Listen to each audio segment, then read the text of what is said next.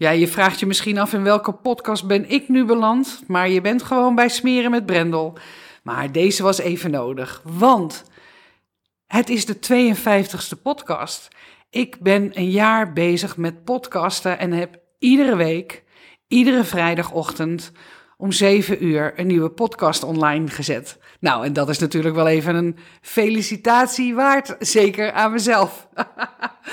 Ehm, ja, want ik heb even gekeken ook ehm, wat ik toen ter tijd, dus een jaar geleden, postte. Vorig jaar februari was dat uh, op mijn LinkedIn-profiel. En daar heb ik een post geplaatst en ik zal hem uh, aan je voorlezen. Wat houdt mij tegen? Is de vraag. En ik schrijf: In mijn hoofd ben ik al zoveel verder. Daar zie ik mezelf meerdere mannelijke ondernemers, toen de tijd alleen nog mannelijke ondernemers, begeleiden naar hun essentie. Beleef ik mooie transformaties, niet alleen van mijn cliënten, maar ook van mezelf. In mijn hoofd ga ik lekker, schrijf ik. En ik schrijf, maar de werkelijkheid is dat ik nog niet in die schoenen sta. Dat iets mij tegenhoudt om daadwerkelijk te realiseren wat ik voor me zie. En welke belemmerende overtuigingen daarop zitten, is het onderzoeken meer dan waard. Omdat het hoog tijd wordt deze los te laten. Want ik kan wel een hele dag druk zijn met regelingen treffen om uh, aan mijn belasting, uh, belasting, betalingsverplichtingen te kunnen voldoen. Maar ik verzuim te communiceren over mijn essentie. Het begeleiden van zelfstandige ondernemers naar die van hen. En dat is juist waar ik energie van krijg, waar ik echt blij van word als ik, alleen, als ik er alleen al aan denk. Deze voel ik oprecht in mijn lijf. En zal ik, uh, en zal ik het gelijk voor 100% goed doen? Zeker niet. Maar dat zal ik over vijf jaar ook nog niet. Want ik zal zelf moeten blijven leren en ontdekken. Dus ik wil gewoon starten. Maar wat houdt me tegen? En ik heb toen gezegd, uh, ik ga het onderzoeken. En deze zoektocht zal ik met je delen in een podcastserie. En dat was voor mij echt al heel wat dat ik dat op dat moment schreef. Want toen kon ik niet meer terug. en uh, Mirjam Hegger, die heel, uh, ja, voor mij in ieder geval bekend is in het podcast maken, die had gezegd van je hebt drie podcasts online te zetten. Uh, dus daar ben ik toen ter tijd mee uh, begonnen. Um, ja, en nu zijn we dus 52 podcasts verder. En ik merk gewoon dat. Um, ja.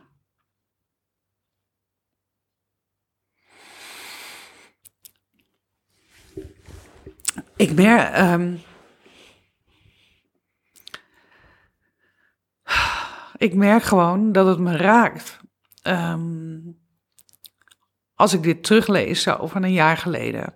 Want jeetje mine, wat is er veel gebeurd en wat is er veel veranderd. En um, wat een waanzinnige toegevoegde waarde is uh, deze post podcast gebleken in mijn uh, leven. Want niet heb, alleen heb ik 37 solo's opgenomen, waarin ik in 10, 15 minuten deelde waar ik mee bezig was op dat moment of een topic wilde benoemen. Er zijn zoveel dingen die de revue hebben gepasseerd die ja, over durf te vragen. Waarom zijn we hier op aarde? Over gedragsveranderingen. Um, flow versus force. Spijt op je sterfbed. Hoe werkt ons brein? Hoe werkt hypnose? Ik heb zoveel mogen vertellen. En daarnaast heb ik ook heel veel mooie mensen mogen ontmoeten die met mij in gesprek wilden voor deze podcast. En dat, ja, als ik daar aan denk, dan, dan, ja, dan word ik echt heel blij van, omdat ik ook merk dat ik van iedereen met wie ik gesproken heb, um, iets op heb gepikt. Dat ik iets mee heb genomen. Dat ik iets heb mogen leren van diegene. Dat ik iets heb meegekregen wat me raakte, wat me boeide, wat me interesseerde. En um, ja, stuk voor stuk waren het mooie gesprekken. En, en ik weet nog, mijn eerste gesprek was met uh, Rick Vermeulen. En uh, hij is uh, psychotherapeut, lichaamsgericht psychotherapeut. En ik kwam, ik zag hem op tv in een documentaire. En hij was bezig met opstellingen. En ik denk, ik lag in bed en we lagen te kijken. En toen dacht ik van ja, ik ga hem gewoon uh, een berichtje sturen. En hij uh, vond het goed. ik was helemaal verbaasd. Gek ook dat je dan verbaasd bent. Maar goed, hij vond het goed. Dus ik ben uh, naar Rotterdam gereden.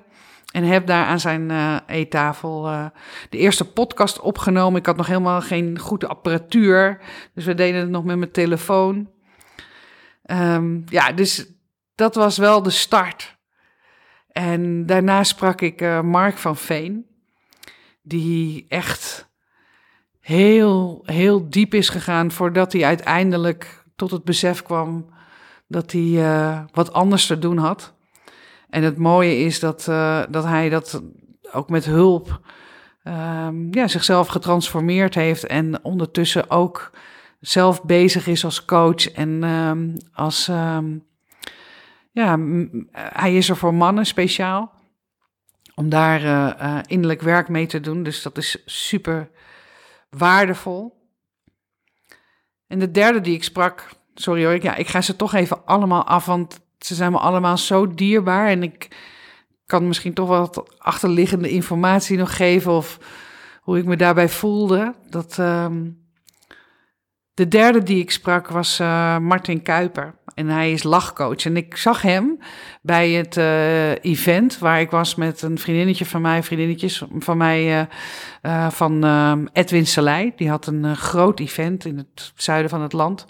En daar had hij Martin ingehuurd als lachcoach.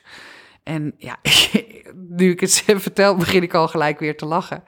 Um, ik vond dat zo een fenomeen dat je zonder dat je vrolijk bent kunt lachen en dat je daar dan uiteindelijk vanzelf vrolijk van wordt.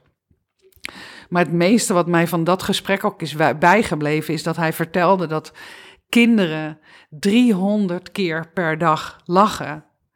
En wij als volwassenen nog maar 15 keer per dag. Dat betekent dus gewoon dat we het lachen afleren. En dat vond ik echt een eye-opener. Um, en vandaar ook als je mijn vorige podcast uh, met Karin, waarin ik het heb over de droom. Uh, voor mij is echt heel belangrijk om uh, dit jaar plezier te hebben. Lol te hebben en, um, en gewoon te lachen. En wel zien wat er gebeurt. En, maar er ook gewoon lol in hebben. Het allemaal niet zo serieus nemen. Dat, daar ben ik mee bezig.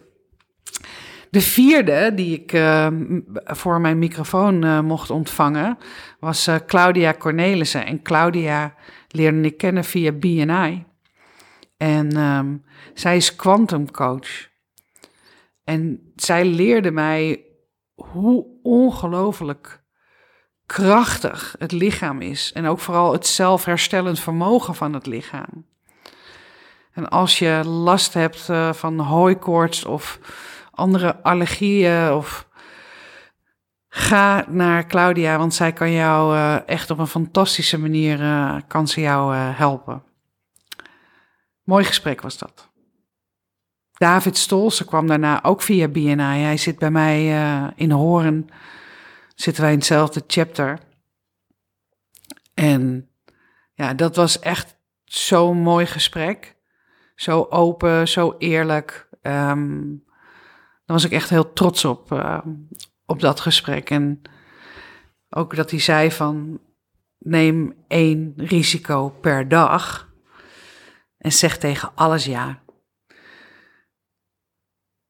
En die heb ik wel, uh, die heb ik wel onthouden. En ik voel ook dat ik veel meer durf nu, risico neem. Veel minder denk van, uh, oh Jezus, wat gaan anderen hiervan vinden?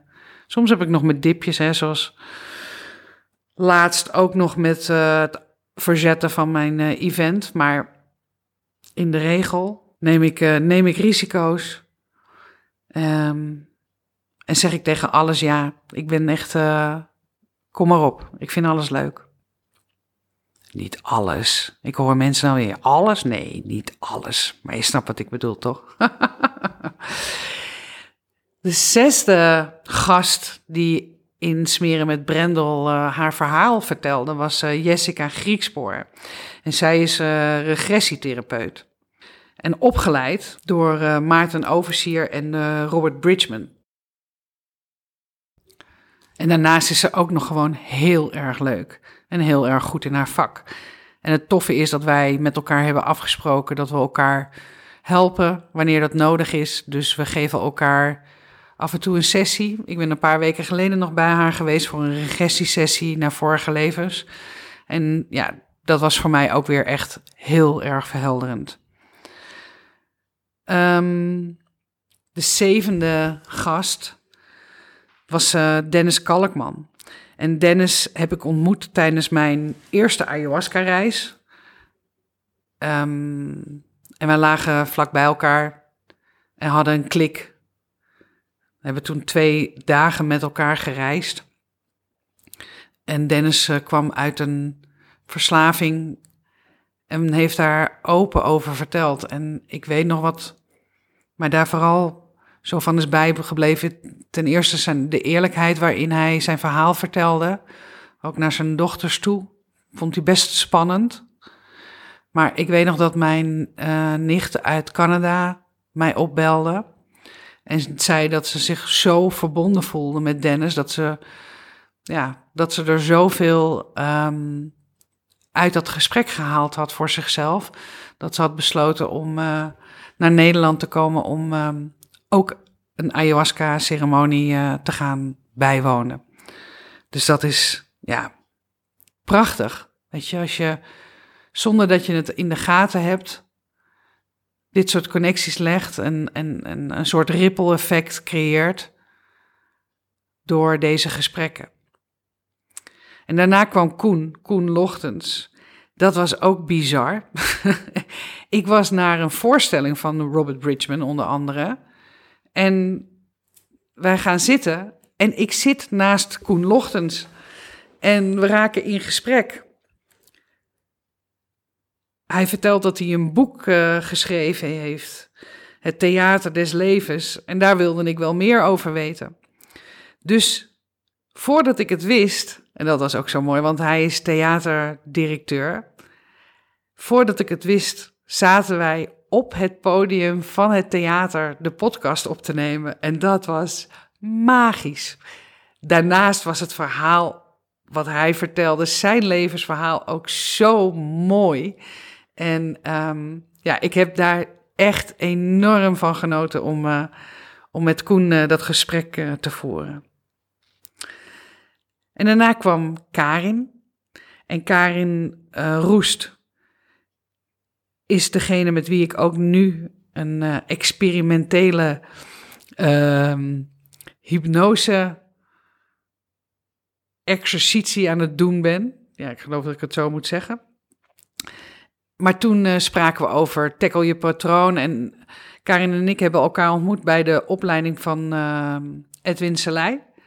En wij kwamen allebei echt vanuit een hele andere richting aangevlogen om deze opleiding te gaan doen. Zij had allemaal stempels van psychiaters en psychologen gekregen over wat er allemaal wel niet verkeerd met haar was of wat er niet klopte. En had voor zichzelf besloten dat ze het niet ging geloven wat ze over haar zeiden. Dat vond ik echt superkrachtig. En um, ik kwam in die opleiding met het idee van met mij is helemaal niks mis. Maar ik wil gewoon snappen hoe uh, hypnose als techniek uh, werkt. Nou ja, dat heb ik gelukkig geleerd in die uh, drie jaar. En ik heb natuurlijk ook geleerd dat er inderdaad niks met mij mis is. Ik ben helemaal oké. maar dat er best nog wel zaken waren waar ik naar mocht kijken. En nog steeds trouwens. Um, daarna sprak ik uh, Anouk Boering in Eiburg. In haar mooie appartement, uitkijkend over het water, hadden wij een prachtig gesprek. Zij is scheidingscoach en vooral mannen-scheidingscoach. Dus zij richt zich specifiek op mannen. En vertelde in haar eigen verhaal uh, haar levensverhaal, over ja, de verantwoordelijkheid die zij voelde ook voor haar broertjes uh, met een uh, alcoholistische vader thuis. Maar wat mij van dat gesprek eigenlijk enorm is bijgebleven, is dat ze zei van er is er altijd eentje verder.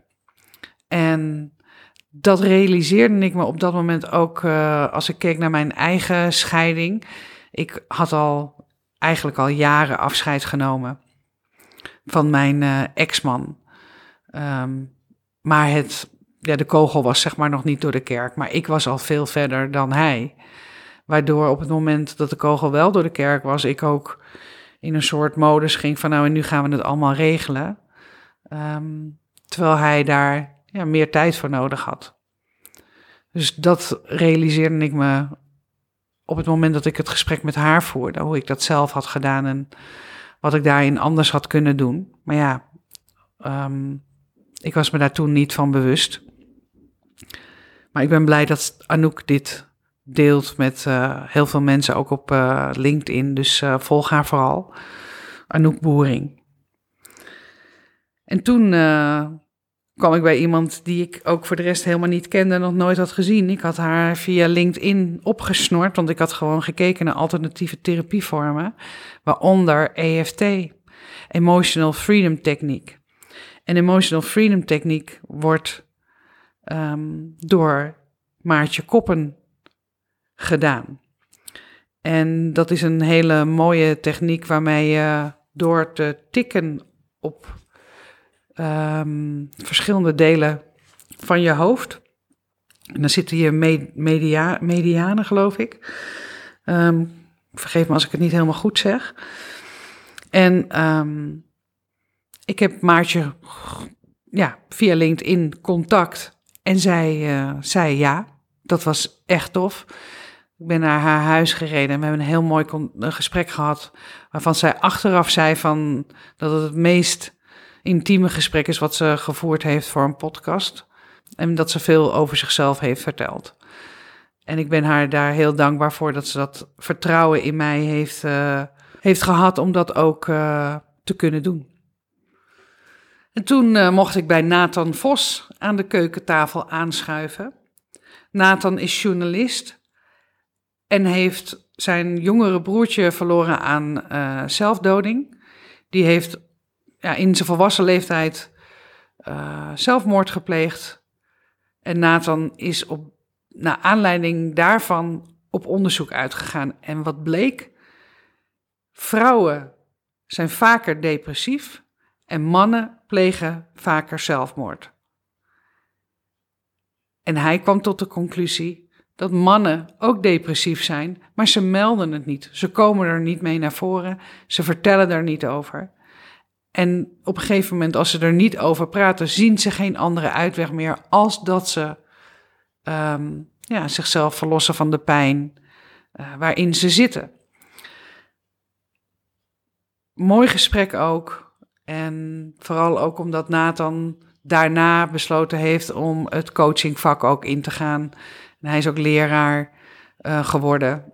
In de journalistiek weliswaar, maar hij geeft nu les en helpt ook uh, studenten op uh, ja, het meer mentale vlak.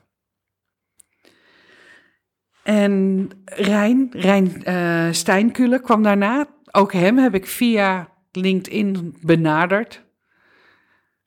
Als ik dat dan zo terug hoor en lees, dan denk ik bij mezelf van, nou, dat deed ik dan toch allemaal maar gewoon. En uh, Rijn heeft uh, zelf ook een podcast. En hij vond het ook heel leuk om in mijn podcast te komen. Dus we zijn in elkaars uh, podcast geweest. Zijn podcast heet Je Ware Ik. Zeker de moeite waard om eens op te zoeken en naar te luisteren, want hij heeft hele mooie gasten, waaronder ik dus ook. Um, maar wat mij vooral heel erg is bijgebleven van Rijn, is zijn enorme veerkracht. Hij heeft meer dan duizend paniekaanvallen gehad. Meer dan duizend. Dat is al mind-blowing als je daarover nadenkt. En hij had ze op de gekste plekken. Of hij nou in het stadion was voor Ajax, om, of hij, hij liep ergens, hij zat in de kroeg. Het maakte niet uit, het kon overal gebeuren. meer dan duizend. En wat hij daar achteraf over zegt. Hij zegt het is een mooi cadeau in een lelijke verpakking geweest. En ik vind dat zo knap als je je donkerste periode als een mooi cadeau kan omschrijven. Ook al zit hij in een lelijke verpakking. Ja, dat, ehm, dat heeft bij mij echt uh, indruk gemaakt. En toen kwam Karin weer, want ik heb met haar dat experiment, de droom. En wij hebben hier samelijk, gezamenlijk een podcast uh, over opgenomen. Dat zullen we in een nieuwe reeks, want ik stop hierbij natuurlijk niet met podcasten. Uh, gaan we hierin verder. Dus um, dat is uh, iets om te volgen. En als laatste en dat is een prachtige afsluiting van het eerste jaar geweest. En ook een prachtig affiche voor mijn van hart naar hart vliegende start. Het seminar wat ik geef op 13 maart. Want Caspar Klarenbeek was in de podcast. En daarnaast gaat hij ook op 13 maart als gastspreker de deelnemers van de vliegende start vertellen over zijn leven. En ook vooral over hoe je in het nu moet leven. Casper um, is retail specialist, maar hij is ook ongeneeslijk ziek. En heeft daar een boek over geschreven, Echt de Sjaak.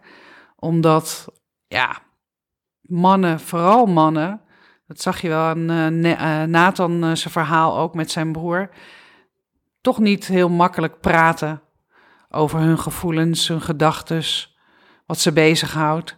En op het moment dat er dan zoiets gebeurt wat zo ingrijpend is, als je te horen krijgt dat je niet meer beter wordt, dan is er een boek, en dat heeft Casper geschreven, Echt de Sjaak, wat uh, kan helpen.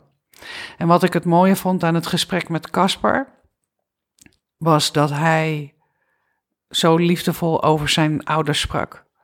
Dat hij weet dat als ze beter hadden gekund, ze beter hadden gedaan.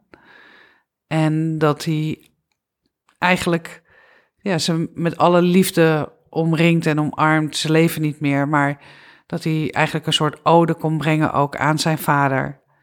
Um, in deze podcast met mij. Ja, dus dat vond ik ook heel bijzonder. Dus, nou ja, dat waren alle gastsprekers van het eerste jaar. En daar staan er nog meer op stapel. Want ik heb ook al verschillende podcasts opgenomen.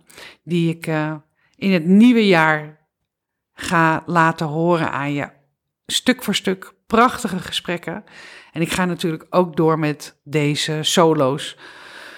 Om de dood eenvoudige reden dat het mij ook enorm helpt om mijn gedachten te ordenen, om een gevoel Um, ja, om bij mijn gevoel te komen.